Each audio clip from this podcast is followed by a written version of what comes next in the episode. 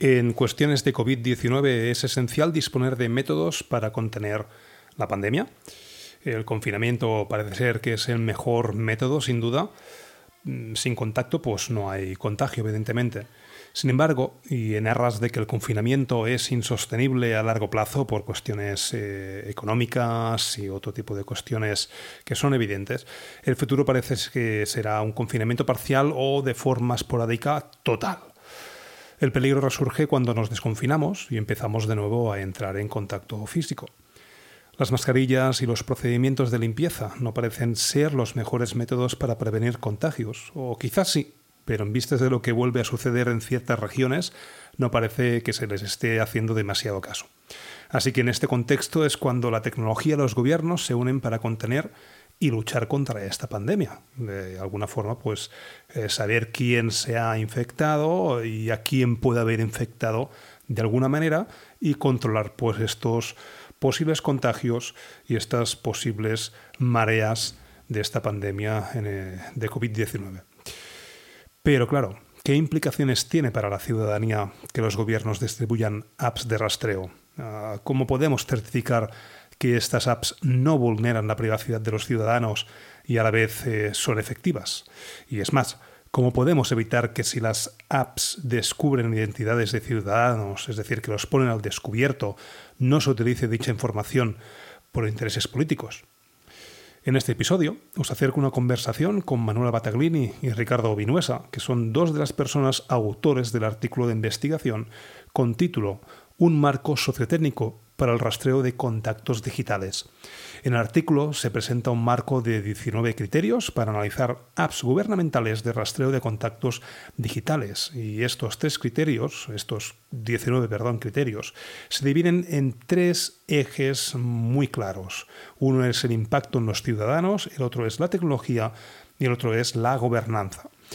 Este marco se adapta de otro artículo presentado por los mismos autores en un artículo de inteligencia artificial y objetivos de desarrollo sostenible. Y durante la conversación, hablando de estos artículos, pues también hablamos de, evidentemente del rastreo, de las posibilidades de identificación ciudadana, de localización de contactos, de diferencias entre apps gubernamentales, por supuesto, pero también incluso de protocolos descentralizados para asegurar una privacidad de la identidad de los ciudadanos. Sin duda, la conversación con Manuela Bataglini y Ricardo Pinuesa nos dará que pensar en este contexto de COVID-19 y de futuras apps gubernamentales que van a salir a la luz en breve y que vamos a tener que instalar como ciudadanos de distintos países del mundo.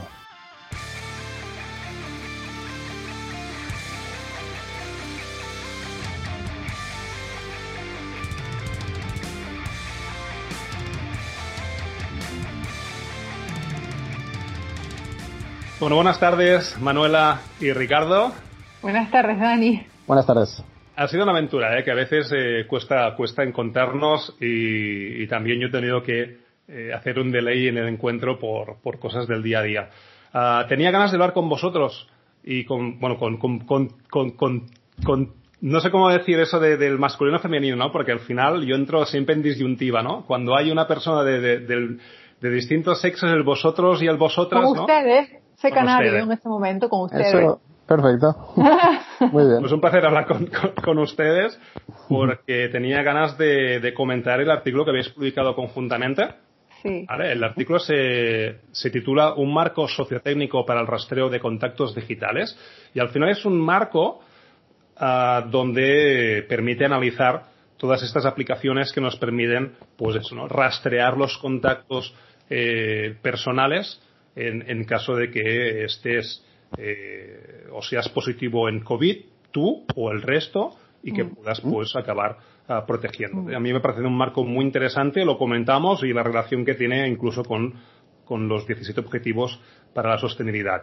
Dejadme que os, que os presente rápidamente, bueno, Manuela, tú, al final, uh, aunque digas que no, eh, quizás eres la, la más mediática, porque además estás en relaciones gubernamentales en distintos países y te has centrado muchísimo en dar voz pues a estas eh, digamos de tecnologías eh, que lo que hacen es eh, crear asimetrías de poder en cuanto a privacidad y en cuanto a discriminación en, aspectos digitales, ¿no? Tus tweets y de, del sábado a sabadete son archi, archi conocidos, ¿no? Sí, sí que tengo que recuperarlo. De hecho, estamos todos expectantes de a ver cuándo empiezas a, volver a hacerlos porque se echa, se echa en falta. Muchas gracias, Dani. Muchas gracias. Y Ricardo, Ricardo de Vinuesa. De, hecho, Manuela, estás en Dinamarca, Ricardo, estás ahora en Suecia. Exacto. Eh, recordad que Manuela es de, Gran, Gran, Canarias. No. De Lanzarote. De Lanzarote y Ricardo es de, de, Valencia. Y ahora mismo Ricardo está pues en Estocolmo, Suecia, en, en KTH, dando clase de mecánica y fluidos, ¿no? Como profesor. Sí, exacto. Y entre todo el meollo de datos e inteligencia artificial y big data, pues nos encontramos los tres que más o menos estamos pues bastante vinculados. ¿no? Yo empecé con temas blockchain, temas de privacidad, aspectos personales, Manuela que está a tope con privacidad y Ricardo pues que, empezaste con tema también de inteligencia artificial. De hecho, a Ricardo, y, te doy la enhorabuena, acabas de publicar un, paper en, en Nature sobre inteligencia artificial y estos 17 objetivos para la sostenibilidad, ¿no? De hecho, el, vuestro paper, ¿no? Que ahora comentaremos, pues, pues parte de aquí, ¿no? Es decir, creasteis una metodología y la readaptasteis para analizar estas aplicaciones, ¿no? Exacto. Os doy voz. No sé quién quiere, quién quiere empezar. Eh, si queréis exponer cómo empezó vuestra relación. Yo creo que Ricardo puede empezar, eh, porque él fue el que, el que me propuso la idea del paper y le estoy muy agradecida. Yo creo que si quieres, Ricardo. Sí, bueno, gracias, eh, Manuela. todo empieza porque, bueno, pues trabajé en este artículo de, de Nature Communications, que, bueno, al final era un estudio, un meta estudio eh, multidisciplinar para ver un poco el impacto de la inteligencia artificial en los eh, 17 objetivos de desarrollo sostenible. Y bueno, al final eh, yo trabajo con problemas de ingeniería, pero son problemas complejos en los cuales pues hacen falta muchos datos, simulaciones grandes y la inteligencia artificial es una de las herramientas que utilizamos para entender un poquito más y para diseñar mejor. ¿no? Entonces, yo lo que creo que es importante es tener ese paso adicional de la responsabilidad y de la ética en el diseño eh, y en el desarrollo de estas herramientas. Eh, que bueno que utilizamos para muchas muchas áreas. Y bueno pues en ese estudio eh, contactamos con, con, un número de expertos internacionales entre ellos Virginia Dignum que bueno pues ella es una experta mundial en ética de inteligencia artificial. Y bueno, pues eh, empezamos a trabajar y hacer más cosas. Y vi eh, la, la, carta que Manuela, entre otros, había eh, escrito para, para, el gobierno de España, ¿no? Con, con la, los, las ideas de desarrollo de, la, de las apps y que Virginia había estado también involucrada, había firmado la carta básicamente y bueno. Pues, y Dani. y, ajá, mira. También, también firme. No lo, mucha gente, pero está bien también saber que tú que te lo firmaste. Pues, eh, pues bueno, eso motivó un poco la, la posible colaboración y me puse en contacto con Manuela y bueno, pues eh, creo que era un tema que a todos, también a Andreas Theodorou, que es eh, eh otro de los autores del artículo, junto con Virginia Dignum, eh, pues todos teníamos intereses en este tema desde diferentes perspectivas y bueno, pues confluimos y creo que salió algo bastante, bastante interesante. El artículo eh, está, eh, es un preprint eh, en Archive, o sea, está disponible, pero está en proceso de revisión. O sea que, bueno, pues al final, eh, eso también creo que es importante, ¿no? Porque en el contexto de la COVID-19 se está publicando mucho eh, y muchas preprints, o sea, artículos que no se han revisado todavía y, bueno, pues creo que es desde el punto de vista de la responsabilidad de la información hay que ser conscientes de que bueno lo que no se ha sido lo que no ha sido evaluado por em, por otros investigadores eh, pues hay que tener un filtro adicional ¿no? de, de, bueno de, a la hora de juzgar esa información entonces bueno este marco eh, creemos que es un marco adecuado y estamos muy contentos, la verdad, con el resultado.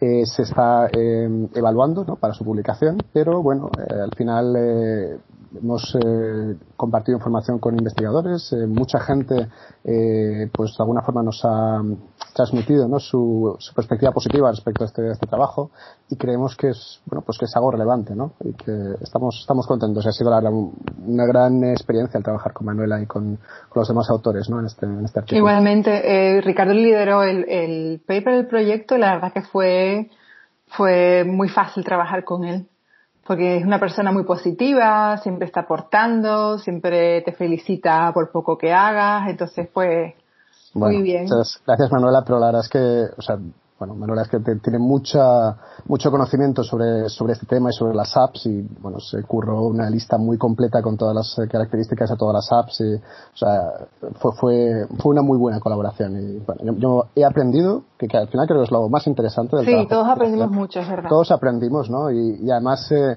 es lo, lo, bonito del trabajo multidisciplinar, ¿no? Que al final acabas aprendiendo cosas, ¿no? Eh, cuando te rodeas de...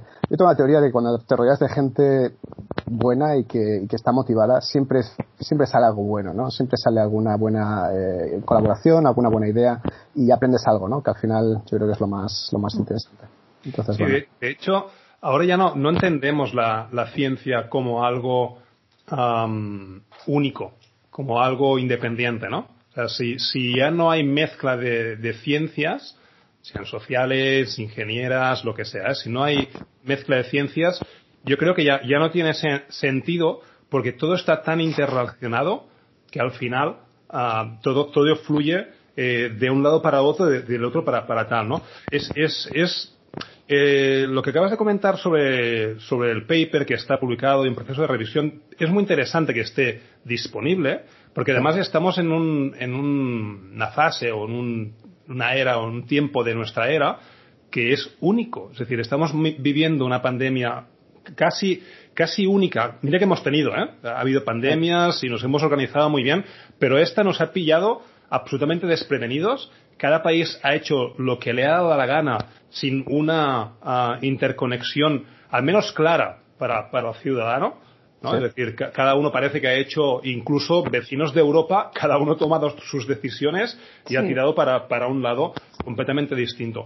Y en tema de, de investigación, casi, casi que he visto eh, lo mismo y, y, ya me gusta que, haya personas como vosotros, como ustedes, que, os habéis unido, ¿no? Porque al final, por ejemplo, en España, ¿no? En España ha, ha habido pues muchos papers de cómo los docentes están viviendo esta, esta pandemia, uh, cómo las familias lo están viviendo.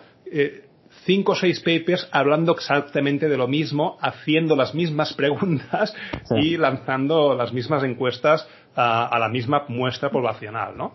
Con lo cual es, es interesante ver que se está trabajando, es interesante ver que se están uh, no, no, solo trabajando, sino avanzando, porque vuestro paper es resultado de otro, con lo cual eso es más interesante aún, porque lo que estamos haciendo es rizar el rizo y, y hacer investigación, ¿no? que es lo que nos, lo que nos gusta, ¿no? Yo al menos me considero eh, científico de, de, de, alguna forma, ¿no?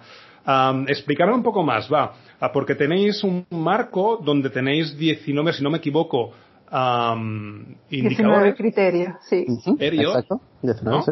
uh, ¿Para qué son estos 19 criterios, no? O, o, exactamente para qué es este marco? Manuela, tú misma, va. Ah, vale.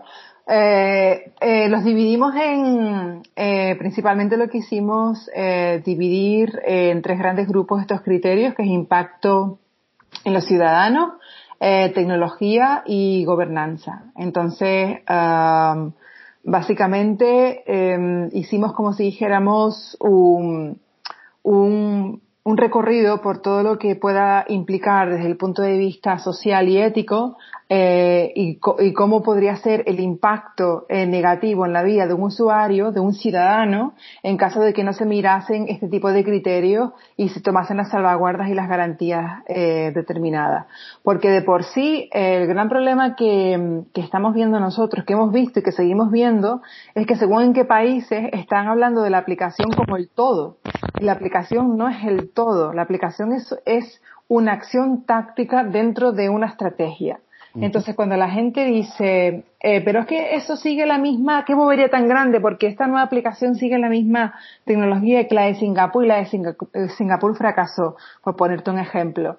Y bueno, eh, lo que no se tiene en cuenta es toda la estructura que había alrededor de la aplicación, que eh, entre otras cosas el estudio previo que hicimos de todas las aplicaciones era para eso, para ver qué, qué, qué ocurría en los países aparte de la aplicación y alrededor de la aplicación. Bueno, pues eh, una de las cosas que, que ocurría con, con, Singapur era que sí, muy buena aplicación, era mixta, centralizada y descentralizada, pero por otro lado el gobierno lo que hacía era emitir tres WhatsApps al día a la ciudadanía indicando el número de contagios diarios y las zonas en las que eh, habían más contagios, con lo cual eso ya invitaba a la discriminación de barrios y personas y ciudadanos que vivían ahí, con lo cual obviamente ahí le quitamos nota. Entonces, estos son estas cosas que ocurren alrededor de las aplicaciones que eh, hacen que funcionen o no funcionen, no solamente la aplicación en sí. Entonces, para seguir hablando del paper, lo que hicimos fue elegir eh, la mejor aplicación en aquel momento, la peor, o sea, lo que se podía considerar un mal ejemplo, lo que se podía considerar un buen ejemplo, un ejemplo intermedio, entonces, el mejor ejemplo es la austríaca Stop Corona, el peor ejemplo es la británica, NHS COVID-19, creo, si no me equivoco. Y la y mm, Trace Together, que es la de Singapur. Y eh, también eh, lo comparamos, nuestro marco, con las guías del eh, el Consejo Europeo de Protección de Datos. Un poco para ver si ellos también, en qué punto estábamos, ¿no? Con ellos. Entonces, eh, una nos llamó la, bueno, eh, Stop Corona efectivamente era la que más cumplía los requisitos y lo que nos llamó la atención es que los puntos eh, 15, uh, o sea, el 19, el, ¿cuáles eran, Ricardo? El 15, el 17. Y el 19. Y el 19, ¿no? 15, 17 y 19, si no me equivoco. Si no me equivoco. Y ninguna de las apps cumplía con esos criterios. Ni siquiera el Consejo Europeo de Protección de Datos. Y además pertenecen al campo de la gobernanza, que es algo muy importante, porque ahí es donde se manifiesta realmente la transparencia de la aplicación a nivel datos, etcétera. Recordemos esto, mm. estos tres puntos. El, 15 es el Sunset Clause, ¿no? Es decir, como una cláusula de caducidad, por así decirlo, de suspensión, sí. La 17 es Incidental Findings and Dual Use Policy. ¿Esta de qué se trata? No utilizar la aplicación para finalidades distintas que no sean la de detectar contagio. Vale, y la 19 que es el derecho a que pueda replicar al algoritmo automático, ¿no? Exactamente. Pero habían otras instituciones europeas que sí lo recomendaban yo creo que, haciendo un pequeño inciso a esto, creo que una de las cosas positivas que ha traído las aplicaciones COVID-19 es precisamente esto, um, el reconocimiento por algunos organismos europeos de la posibilidad de poder eh, impugnar la decisión automatizada y pedir intervención humana. Entonces, si esto lo trasladamos a otros tipos de sectores, puede ser muy positivo, porque ahí está reflejado, reflejado de una manera muy concreta. Estoy de acuerdo que es, ha sido un ejemplo muy claro y en el que la gente ha estado muy, muy involucrada, ¿no? Porque pues todo el mundo ha leído y ha estado al tanto de las cosas. Ha sido muy tangible y ha sido muy fácil ver pues los problemas éticos asociados a la tecnología. Eh, y claro, como Manuela dice muy bien, eso se, se extiende a otros, eh, otros sectores en los cuales también se está utilizando tecnología, pero es una buena plataforma, ¿no? Para evaluar y para que bueno, la gente sea consciente, ¿no? De los, de los desafíos. Corregidme si me equivoco. En Corea también se utilizó porque en Corea ha habido... En Corea del Sur, sí. En Corea del Sur también, y aquí en Corea del Sur pasó algo muy curioso y cuando la gente dice, no, porque es que eh, estas aplicaciones sirven para controlar, bueno, si no utilizas datos personales, pues eh, se, hace todo lo posible para, para, para, para currarse la confianza y eso pasa por no, por no recolectar eh, datos personales. Eh, en Corea del Sur pasó algo muy gracioso porque la gente dice, mm, eh, le da miedo eh, esta nueva tecnología, eh, pero en cambio el, el, rastreo de contactos manual que ha existido toda la vida no, no le tienen miedo cuando en realidad esos datos personales son igual de peligrosos en caso de que sean hackeados o tengan baja seguridad, etcétera. Porque ya hay bases de datos cuando te llaman, oiga usted, eh, síntomas tal y que cual van apuntando, tu nombre y apellido, tu DNI a lo mejor también, y todos esos datos eh, de salud, y no le tienen miedo. Y precisamente en Corea del Sur hubo un rebrote por un chico que llegó, chico joven que llegó a Corea del Sur, eh, quemó la noche de Corea del Sur, se fue por un montón de discotecas, eh, tarjeta aquí, tarjeta allá, o sea, quemó la noche y resulta que estaba contagiado. Entonces, mm, bueno, pues se marcaron un cerco y eh, testearon a mil personas. Y pudieron adivinar dónde estuvo, qué hizo, por el, el, el, el testeo pues manual. Y esto provocó eh, una gran reacción negativa porque este chico eh, es gay, es homosexual. Entonces estaba visitando los locales homosexuales, etcétera, etcétera. Y entonces hubo una gran reacción en contra del, eh, del colectivo del colectivo gay. Es decir, que el rastreo manual puede conllevar este tipo de discriminaciones y de reacciones furiosas en contra de un colectivo determinado o de cierto aspecto de la población que a lo mejor el digital no lo provoca porque se preserva la identidad de los usuarios.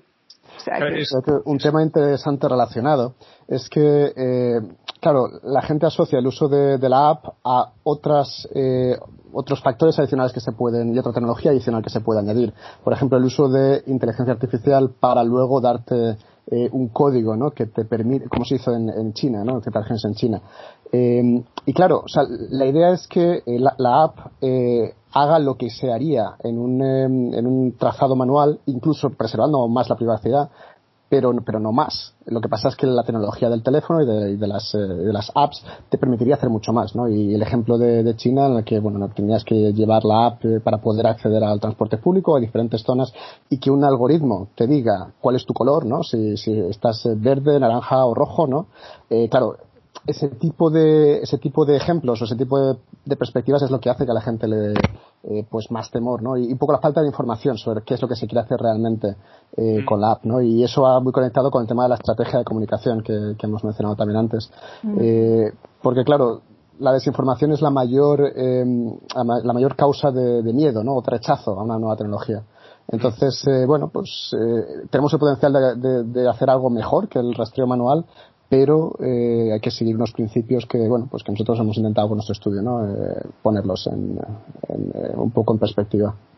Sí nos encontramos en, en, un momento en que la sociedad es usuaria experta de aplicaciones mm.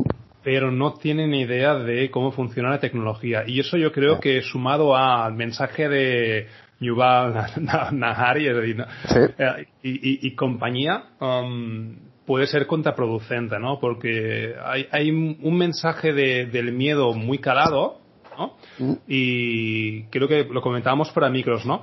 Eh, es cuestión de confianza. Y a veces confiamos eh, en el uso de estas apps y, y no confiamos en el uso de, apps que son del gobierno, ¿no? Por miedo al mm. control, por miedo a, a todo este tipo de castigo o discriminaciones estatales, ¿no? Cuando al final tú cuando usas una tecnología de una entidad o una empresa en concreto, si no eres accionista, mm, no tienes voz ni voto. En cambio, en un Estado, eh, tú sí que puedes ir a votar y puedes decir, ah, pues estos que han hecho esto mal, ahora los castigo y no los voto y voto y voto al otro, ¿no?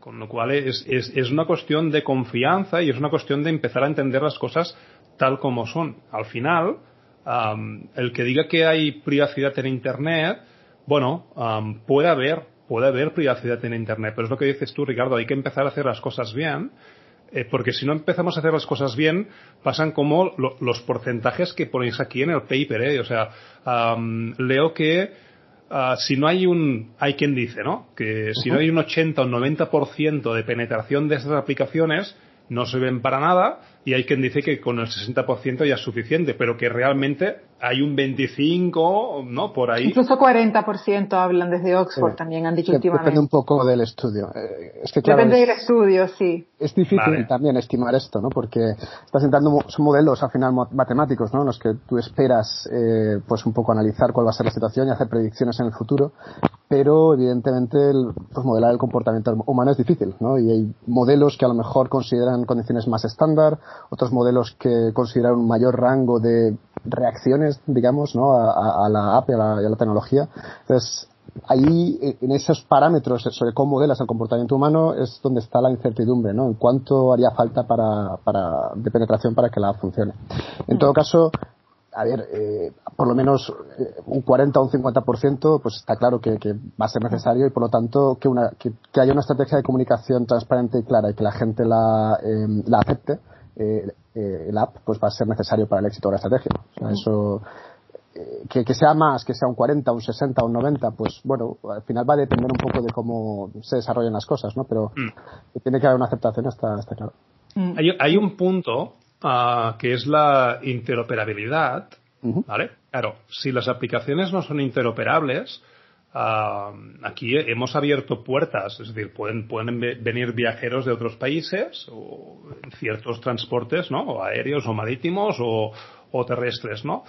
Y claro, es decir, aquí o, o, cada país tiene su aplicación o toda aplicación es interoperable e intercambiable y todos los países se unen. No sé, no sé en qué estado debe, debe estar esto, pero no, no, creo que sea factible que cuando tú entres en un país te instales la aplicación de ese país y, y, y entres en esa rueda, ¿no? Ah, debe haber algún punto de interoperabilidad entre estas aplicaciones. Sin duda. Porque, si, porque si no, este, este, estos porcentajes no se cumplirían nunca. Es decir, yo entiendo que esos porcentajes vienen dados en, en el conjunto de aplicaciones que hay en el mercado, ¿no? Sí, y hombre, también eh, están, esos cálculos están asumiendo, pues eso, para un país concreto con una circunstancia de ese país y, pues por ejemplo, la, eh, viajes entre países es uno de los factores que te, que te destroza el modelo. Entonces, y eso no, vamos, no, no creo que sea considerado, por lo menos en detalle, en ninguno de los estudios. Entonces, pues sí, ahí, ahí, tienes un ejemplo claro sobre cómo eh, un diseño puramente tecnológico no te va a dar una buena solución, porque tienes que considerar esos aspectos adicionales, eh, bueno, del comportamiento de las personas que, que, te van a dar una visión más realista del problema, ¿no? Entonces, eh, ahí es esa dimensión adicional que hay que considerar. Mm. Entonces, eh, una cosa que nosotros eh, concluimos en nuestro estudio, en nuestro estudio anterior, el de, el de Nature, es que eh, la tecnología se desarrolla a una velocidad alta. Los usuarios siguen a la tecnología, pero van por detrás, porque evidentemente es muy difícil adoptar la tecnología y, diferentes países eh, tienen diferentes culturas en este sentido, pero bueno, vamos por detrás y los gobiernos van por detrás de los usuarios, ¿no? porque a la hora de regular y de desarrollar eh, pues eh, eh, políticas adecuadas ¿no? para gestionar esta tecnología, pues todavía van por detrás ¿no? de, la, de los individuos. Eh, pero un problema es que eh, no hay un conocimiento general ni por los usuarios ni por los gobiernos sobre qué es lo que puede hacer, en este ejemplo, la inteligencia artificial, aunque podemos hablar en general de los datos, eh, y qué es lo que no puede hacer, ¿no? Entonces, eh, una de las cosas que nosotros incidimos en varios de estos estudios es que el, un poco la, el conocimiento tiene que venir antes de la regulación. Es decir, ponerte a regular algo sin saber exactamente qué es lo que hace la tecnología, pues eh, como mínimo va a ser inútil eh, y lo más probable es que sea contraproducente, ¿no? Porque vas a regular algo pues, de una forma completamente errónea. Entonces, esa falta de conocimiento a veces del público en general y de la gente, eh, mucha gente, ¿no? Muchos gobiernos que, pues, pues es un gran problema, ¿no? A la hora de, de desarrollar eh, políticas adecuadas para, para, la tecnología. Entonces, eh, bueno, pues estas acciones en las cuales se intenta dar visibilidad a, a, a, estos problemas y al potencial de la tecnología, creo que es importante para que, bueno, para que todo el mundo pueda contribuir a este, a este diálogo, ¿no? Es un diálogo fundamental para, bueno, pues para, para la sociedad. De eso, por ejemplo, perdona Dani, de eso, por ejemplo, precisamente lo que acaba de decir ahora mismo Ricardo, eh, es una de las, estuve, bueno, estuve hablando, eh, eh, estuvimos hablando unos días antes con, con, otra gente y es precisamente el problema, eh, como lo denominaba Thomas Friedman, este eh, escritor, este periodista del New York Times que se ha ganado dos veces el Pulitzer, que lo denomina las tecnologías físicas y las tecnologías sociales las tecnologías físicas como el Internet, Internet de las cosas, o sea, todo lo que es la tecnología. Las tecnologías sociales, que estamos hablando, pues, como decía Ricardo, el gobierno, nuestra cultura, eh, eh, la educación, universidades, instituciones, organismos, etc, leyes, etcétera. Y como hay una brecha creciente entre ambos, y esta brecha pues cada vez está siendo más amplia. Y esto ha sucedido pues por lo que también tú dijiste Ricardo, porque ha llegado un momento en el cual nuestra sociedad que necesita una media de 8 o 10 años para adaptarse a las tecnologías, no hablo como individuo, sino hablo como sociedad en conjunto, uh -huh. y la sociedad está, siendo, está innovando, no solamente innovando, la disruptiva, la, la que cambia nuestro, nuestro modelo de vivir, sino mutando, antes de que nos adaptemos a la misma. Y esto está provocando una angustia social grande. Entonces, creo que, de hecho, creo sinceramente que este rechazo frontal a la tecnología del contact tracing digital viene por ahí. Viene porque no es una tecnología disruptiva en el sentido de que nos cambie nuestra manera de vivir, como lo hizo Airbnb en su día, Facebook, Amazon, etcétera, Google, etcétera, sino que es desconocida. Entonces, eh, es, eh, yo creo que ese recelo y ese rechazo a esta tecnología no es sino otra, otra eh, reacción natural al proceso de adaptación a esta nueva tecnología. Entonces, lo que los gobiernos no pueden pretender es que sus ciudadanos se adapten en dos meses a una tecnología completamente nueva y que no han oído, y encima que el nombre tampoco les ayuda, porque eh, tecnología de rastreo de contactos suena fatal. Suena fatal, porque en realidad no están rastreando tus contactos, sino las personas con las cuales tú te cruzas eh, físicamente con las que estás más de a menos de dos metros o a partir de dos metros y durante diez minutos. Con los que has tenido contacto. Con los que has tenido contacto. ese, es el matiz, ese es el matiz que es importante entender. la nomenclatura aquí no va a favor. De hecho, es un rastreo de dispositivos. Sí, de dispositivos que han estado cerca, o sea, que has estado en contacto con esa persona, pero claro, eh, ese es el matiz, exacto. Y estoy totalmente de acuerdo con lo que dice Manuela. Es, es una de las claves por las cuales hay, hay rechazo y, es la falta de. Que me va a arrastrar mis contactos, dice, vamos, que me va a arrastrar. es, es, es, muy fácil, hacer apología del miedo es, muy, es muy sencillo. Hombre, que aquí se lo han puesto a huevo también, ¿eh? Sí. Sinceramente cuando encuentras el, encuentras el nombre bien, pero si le pones el nombre que, no toca, ya empiezas mal. Mira, hay, por ejemplo, Google y Apple, ¿no? Que se unieron y empezaron las especulaciones, ¿no? Ya está, ya se han unido los grandes para acabar de controlarnos, ¿no? Y luego que vino la actualización esa de Google sin avisar, ¿no? De que hay la API lista dentro de, Android, pues para, para activar el rastreo, ¿no?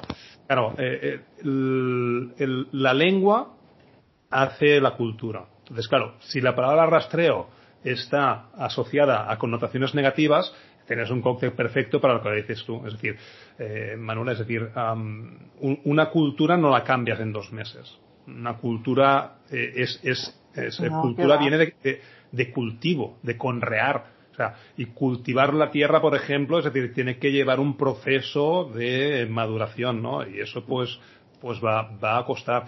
No sé en, en, qué estado eh, están todos los, todas estas aplicaciones, ¿no? Aplicaciones, uh, quizás las aplicaciones es algo que, que, ha tardado más en salir. Lo que sí que ha salido al principio y fue muy rápido son los bots, los bots de ayuda, ¿no? Es decir, los, los gobiernos sí que, gobiernos y otras instituciones, ¿eh?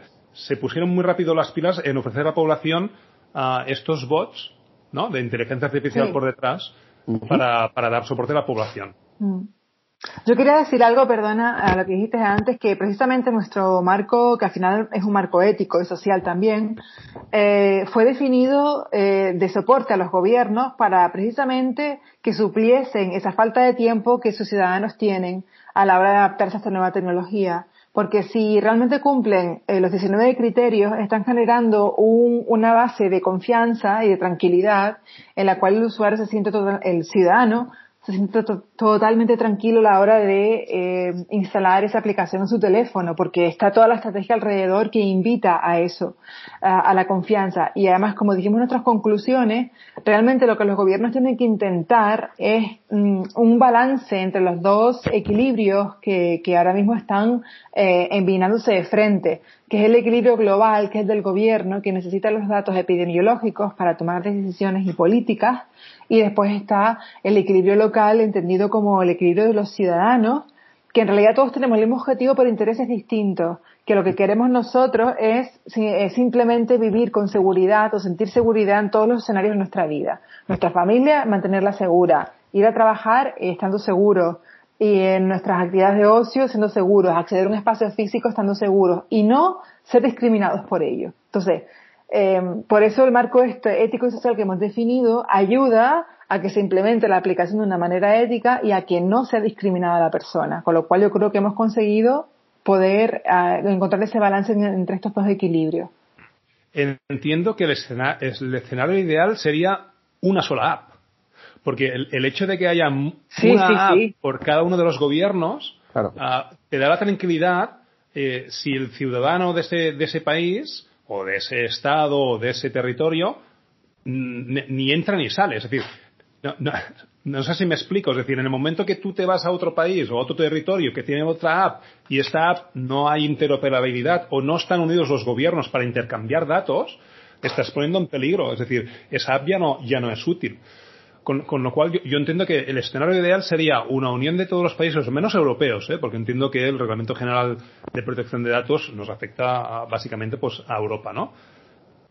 una sola app donde estén rastreados todos estos dispositivos, ¿no? O, hay una base de datos de estos dispositivos con enlace directo, pues, a, los distintos eh, organismos eh, de salud, ¿no? Yo creo que eso sería el escenario ideal. ¿Cómo lo veis vosotros? Porque al final tanta eh, descentralización de apps que no el contenido descentralizado eso sí que debería estar centralizado, ¿no? Hay, hay, hay cosas que sí que deberían estar eh, en un solo punto.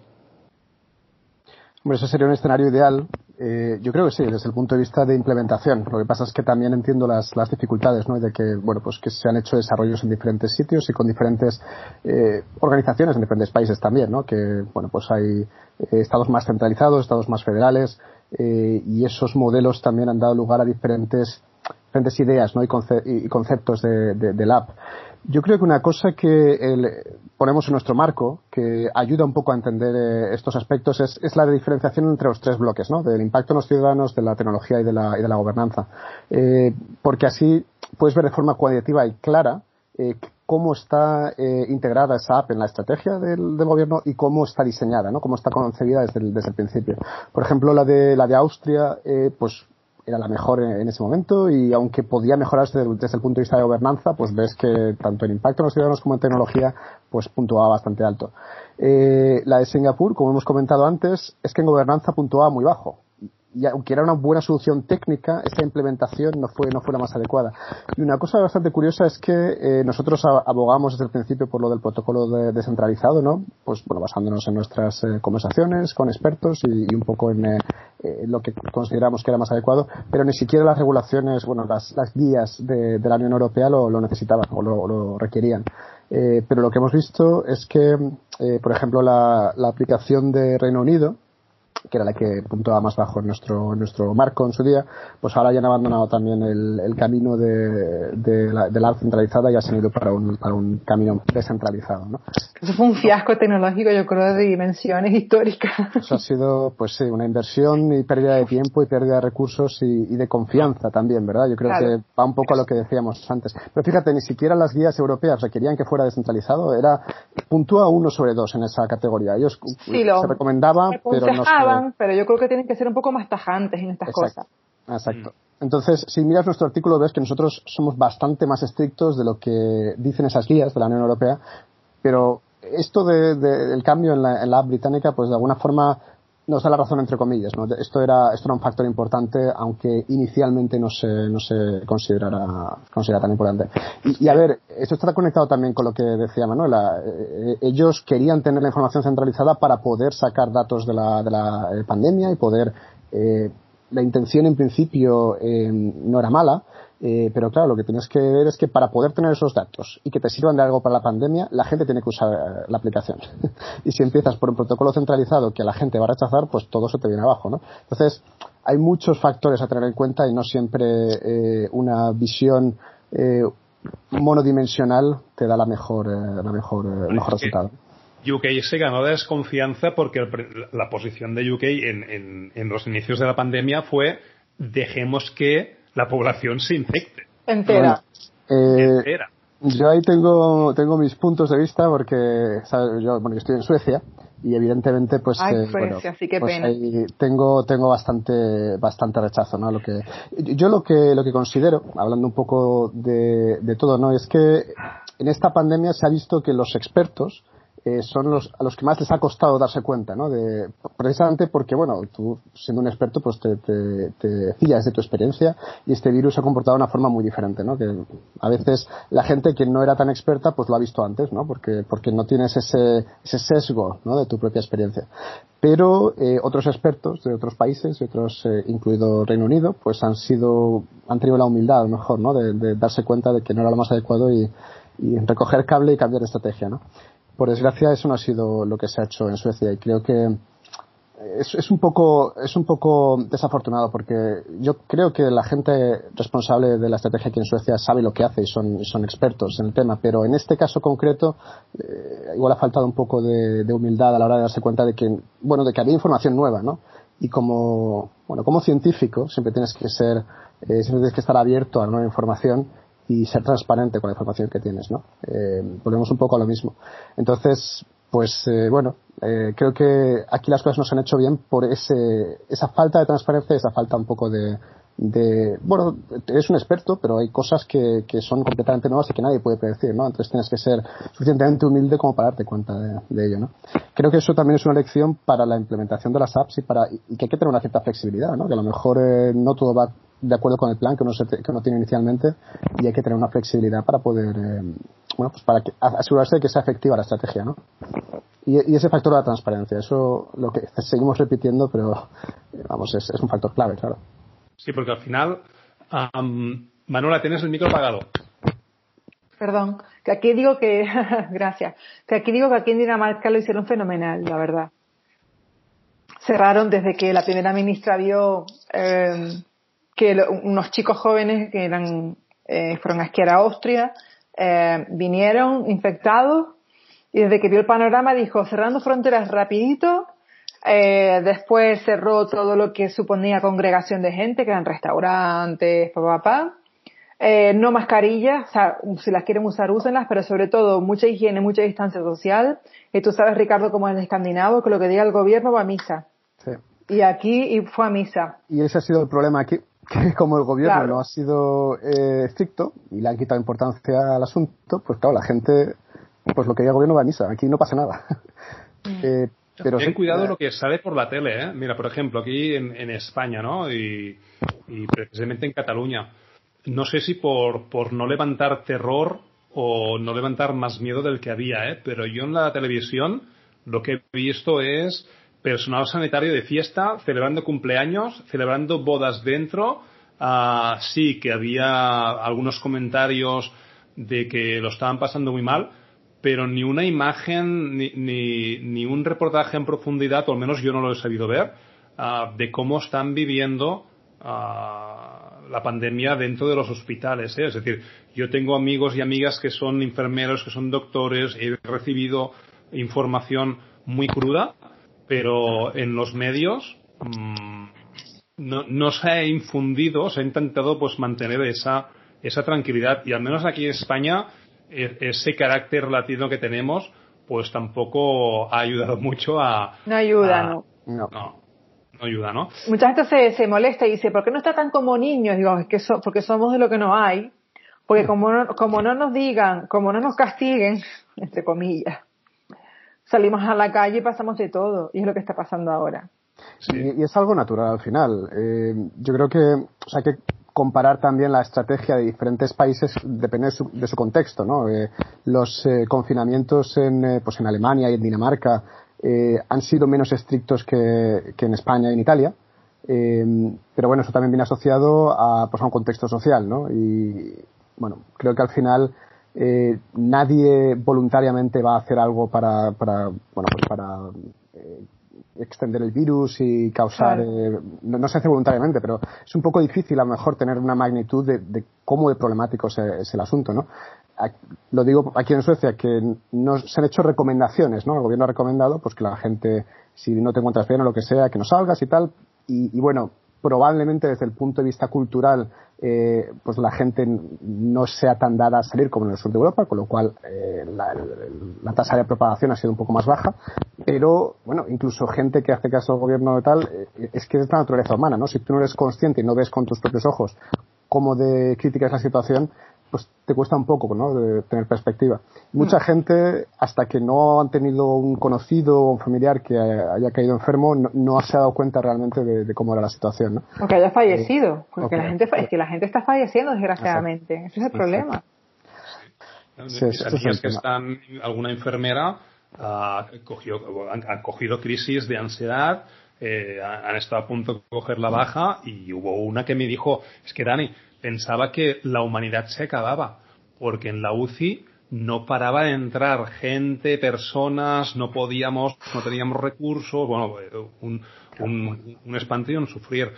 Me doy cuenta de que, de que vuestro paper es eh, esencial, es decir, es básico y tiene una importancia crucial para todo gobierno que quiera hacer una puesta en marcha de una aplicación ah, de este calibre, porque al final esto es un problema político, de estrategia política, y, uh, y de Estado. ¿no? Es decir, esto no lo va a solucionar una empresa privada, esto no lo va a solucionar Google o lo va a solucionar Apple.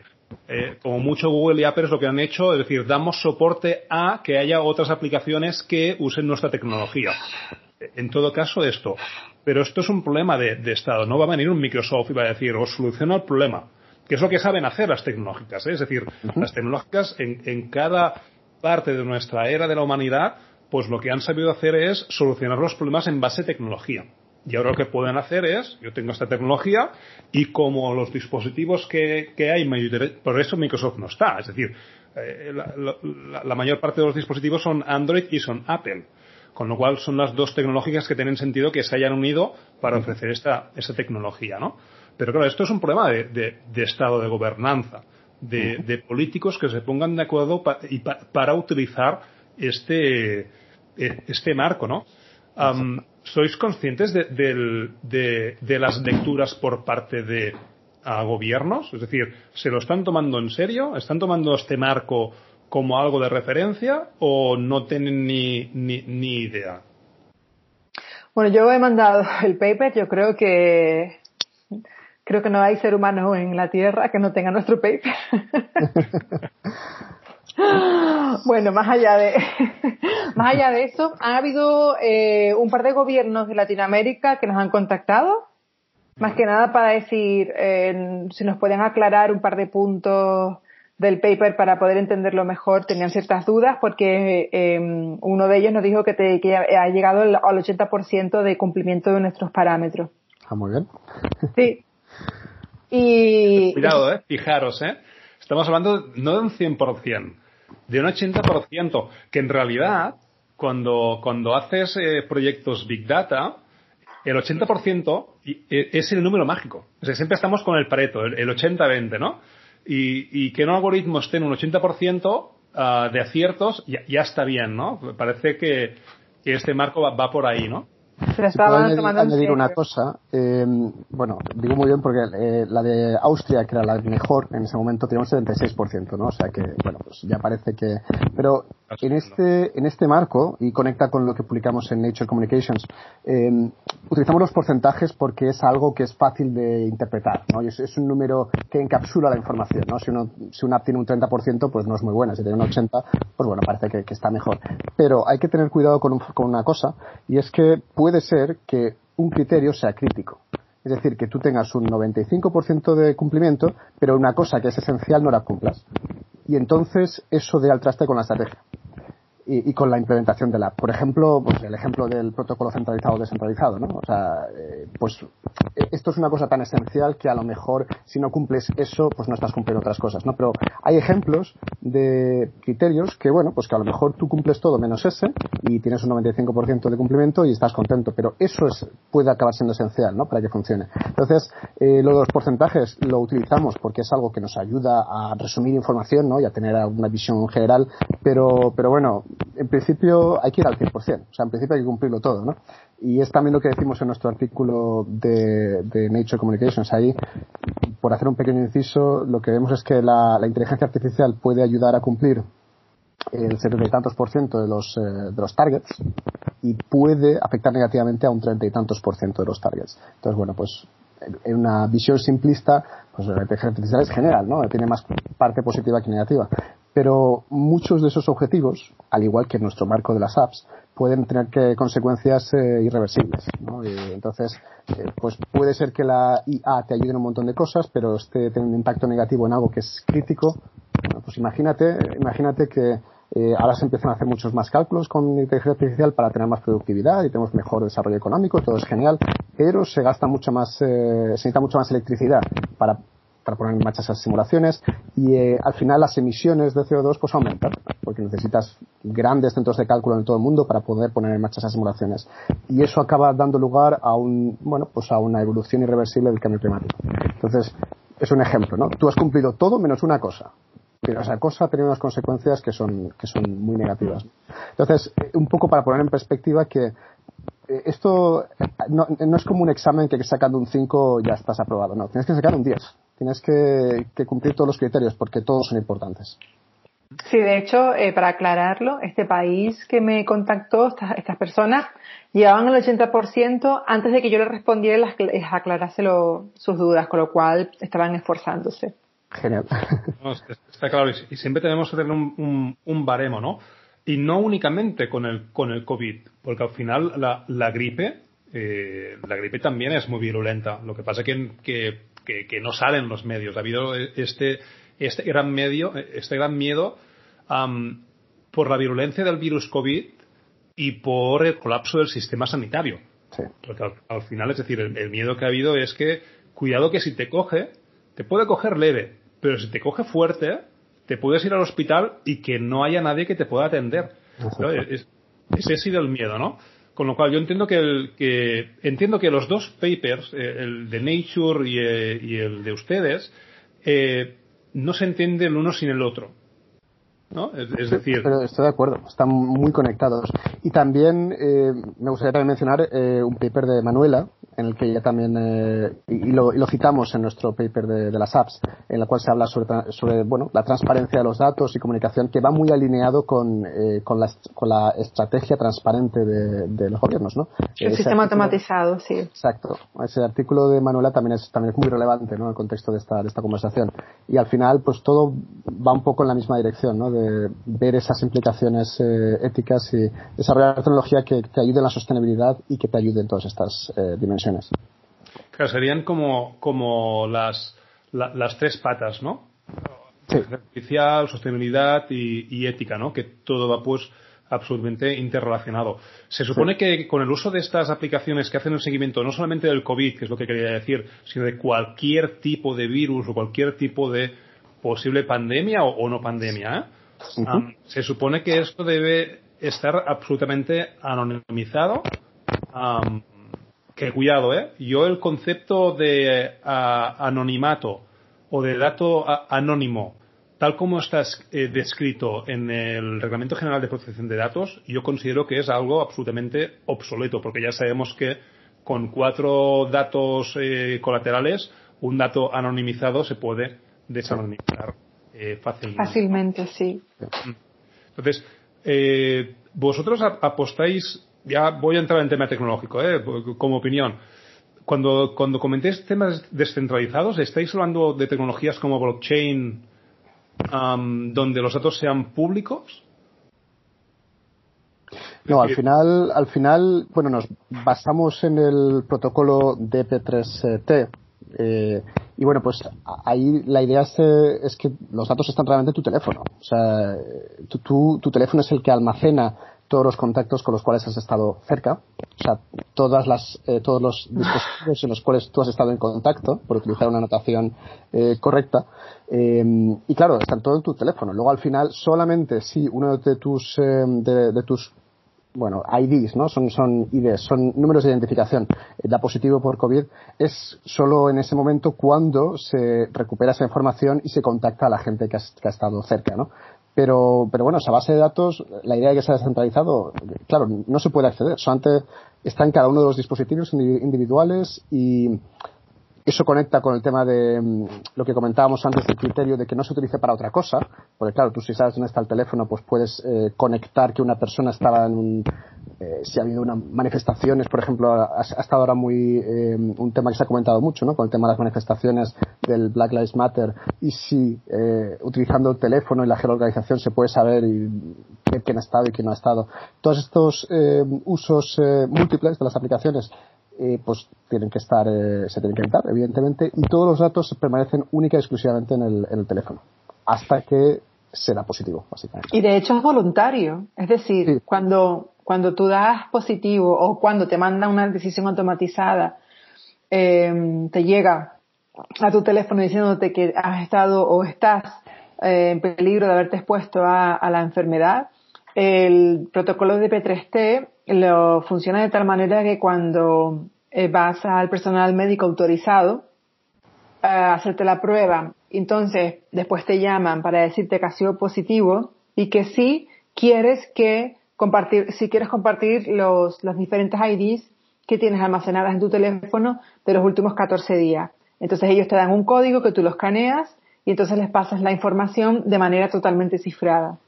Entonces, eh, a los cuales ellos tampoco pueden acceder, va directamente al backend. Y quien hace, que tiene la función del backend es el Ministerio de Sanidad, es decir, ellos son los responsables del tratamiento de los datos. Entonces, em, realmente es todo voluntario, es decir, no estás obligado ni a bajarte la aplicación, ni a pasar los contactos, ni nada, con lo cual es todo un sistema que está basado en la propia responsabilidad del usuario. Pero claro, en el momento que tú decides compartir los datos, los datos, compartir los identificadores de los dispositivos con los que has estado en contacto, ya estás desprotegiendo de alguna forma, ¿no? No, porque son aleatorios y temporales. Es decir, estas IDs cambian cada 15 minutos. Entonces la siguiente ID que tú vuelvas a mandar 10 minutos más tarde es distinta a la que tú mandaste 10 minutos anterior. Vale. O sea, tu móvil va emitiendo cada 15 minutos IDs renovadas, completamente distintas a la anterior, precisamente para evitar la, identificación. Para que yo entienda, ¿eh? al final, y para que se entienda, para quien esté escuchando la audiencia, que es, es, muy interesante. Por eso, por eso comentaba el tema de blockchain, para que quede bien claro que es el protocolo de descentralización. ¿eh? Porque los datos al final, si están en los datos móviles, eh, están en los dispositivos móviles, que se supone que tienen el Bluetooth con la versión correcta, uh, etcétera, etcétera. ¿eh? Que eso también es un problema de, de penetración de las aplicaciones. Que la población tenga unos smartphones con, o que tengan un, una versión del, de, del protocolo Bluetooth exacta que se pueda pues eh, utilizar, ¿no? claro, estos ideas se van generando de forma aleatoria o van mutando, ¿no? Para evitar también la, la, identificación. Claro, en el momento que esto se pone en una base de datos central, al cabo de, de este tiempo, estos identificadores son obsoletos. Es decir, ¿qué utilidad tiene ese identificador para el Ministerio de, de Sanidad cuando están eh, no, no, apuntan a nadie, ¿no? Claro, esa es la idea, que no tenga ninguna utilidad. Sí, eh, la idea principal es que solamente vayan al backend la información o los datos aleatorios de aquellas personas que han dado positivo. Mm. Porque si depende de uno, de que te cambie el estado en tu móvil, eh, oh, estoy infectado, ¡pum!, cambio el estado, pues entonces ahí se puede organizar una tremenda, con lo cual se ha puesto, como se llama, esta pequeña barrera entre el envío de identificadores o no, precisamente para eso, para evitar que cualquier persona se cuele y entonces empezar a mandar un montón de mensajes que aquí sí que produciría falsos positivos. Em, y eh, por otro lado, la única función es de poder mandar un mensaje automatizado diciendo usted está en riesgo de haber em, haberse contagiado, por favor tome las siguientes eh, indicaciones. Y en ese momento, cuando tú te niegas eh, directamente a autoaislarte durante 14 días porque no quieres, no te da la gana, dices, bueno, pues yo en este momento es cuando yo impugno esta decisión y quiero intervención humana. Y es poder llamar de manera inmediata al personal médico autorizado y que me haga una entrevista en ese momento. ¿Está usted protegido? Tal y que cual, esto y lo otro. Bueno, para salir de dudas, vaya a su centro sanitario más cercano, haga la prueba y no se, y, mantenga las, medidas pues, eh, sanitarias recomendadas. eso está muy bien, porque al final y también es un trabajo de concienciación, lo que comentábamos antes de, cultura, ¿no?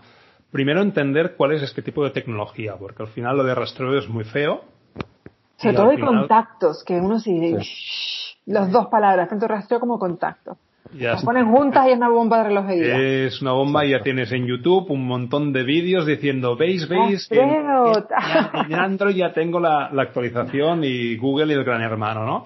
Tampoco todo, todo es tan feo hace falta ¿eh? un, trabajo de fondo muy bestia en, en todos los gobiernos. ¿eh? Yo creo que, que, que primero eh, los gobiernos en sí, los políticos, yo creo que son los que también desconocen mucho estos, estos temas, ¿no? Y, y está bien que hay esos eh, profesionales dando consejos, pero por favor que se les hagan caso, ¿no? Porque a veces, no sé, comentamos también ¿eh? el tema de, de Estados Unidos, ¿no?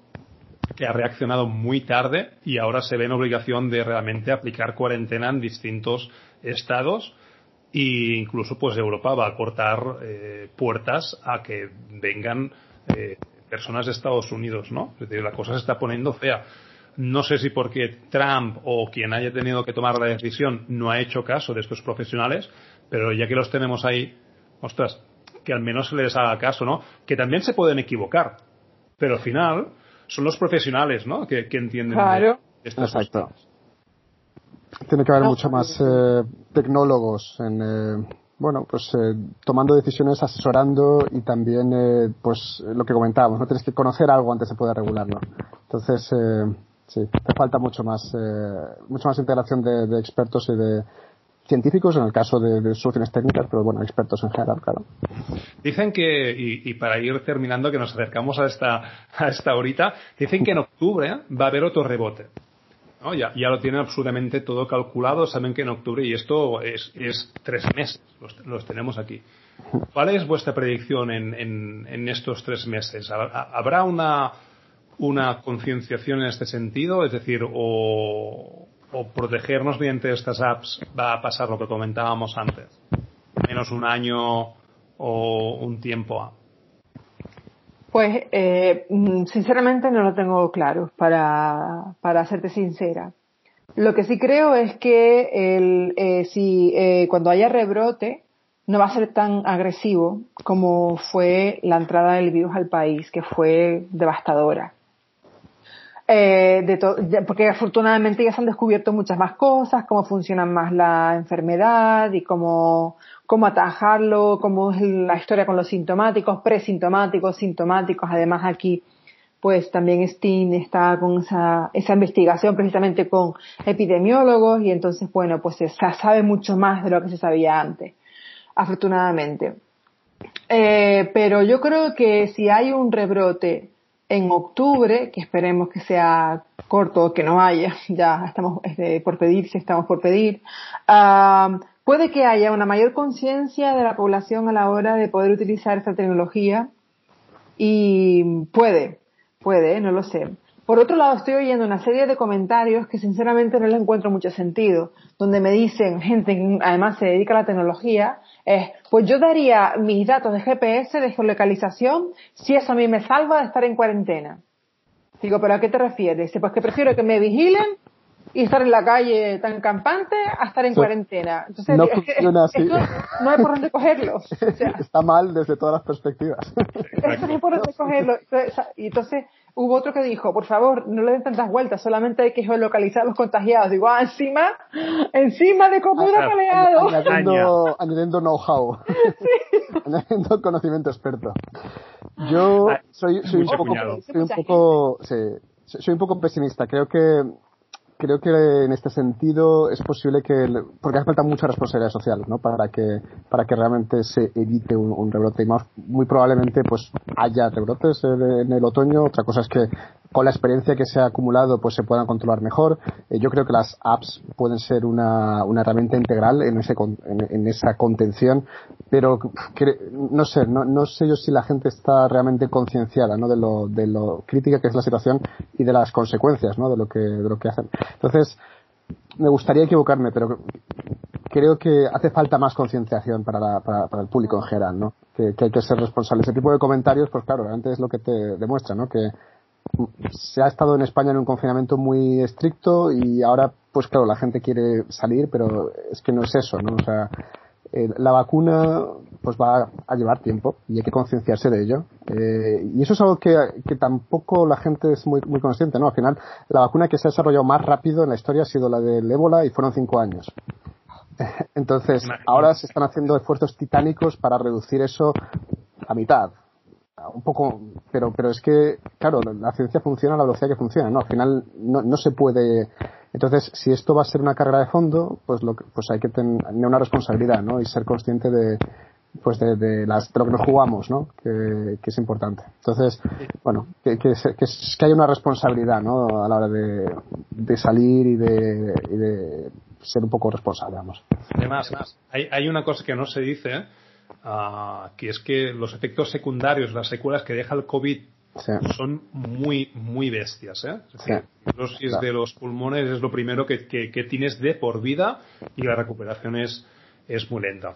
Bueno, yo, con, con, esta conversación y, y, daros voz, sobre todo, pues, pues, quiero aportar este, este pequeño grano, grano de arena y, y, ya sabéis que mi podcast uh, tiene origen en catalán aunque hay ciertas conversaciones que se tienen que mantener en, castellano y está muy enfocado a oyentes de, Cataluña y cuando hablamos en, en español pues eh, se abre a más, a más. Entonces, espero que tenga este impacto, espero que realmente vuestro esfuerzo en tiempo, en dedicación, en investigación, pues dé sus frutos, si no ahora, cuando tenga que ser y que se os escuche, ¿no? Y esa es mi intención, ser megáfono de, ustedes y de, todos los científicos que de alguna forma estamos ahí en el pie de cañón, unos más afectados como Suecia, unos menos como, como Dinamarca, pero al final.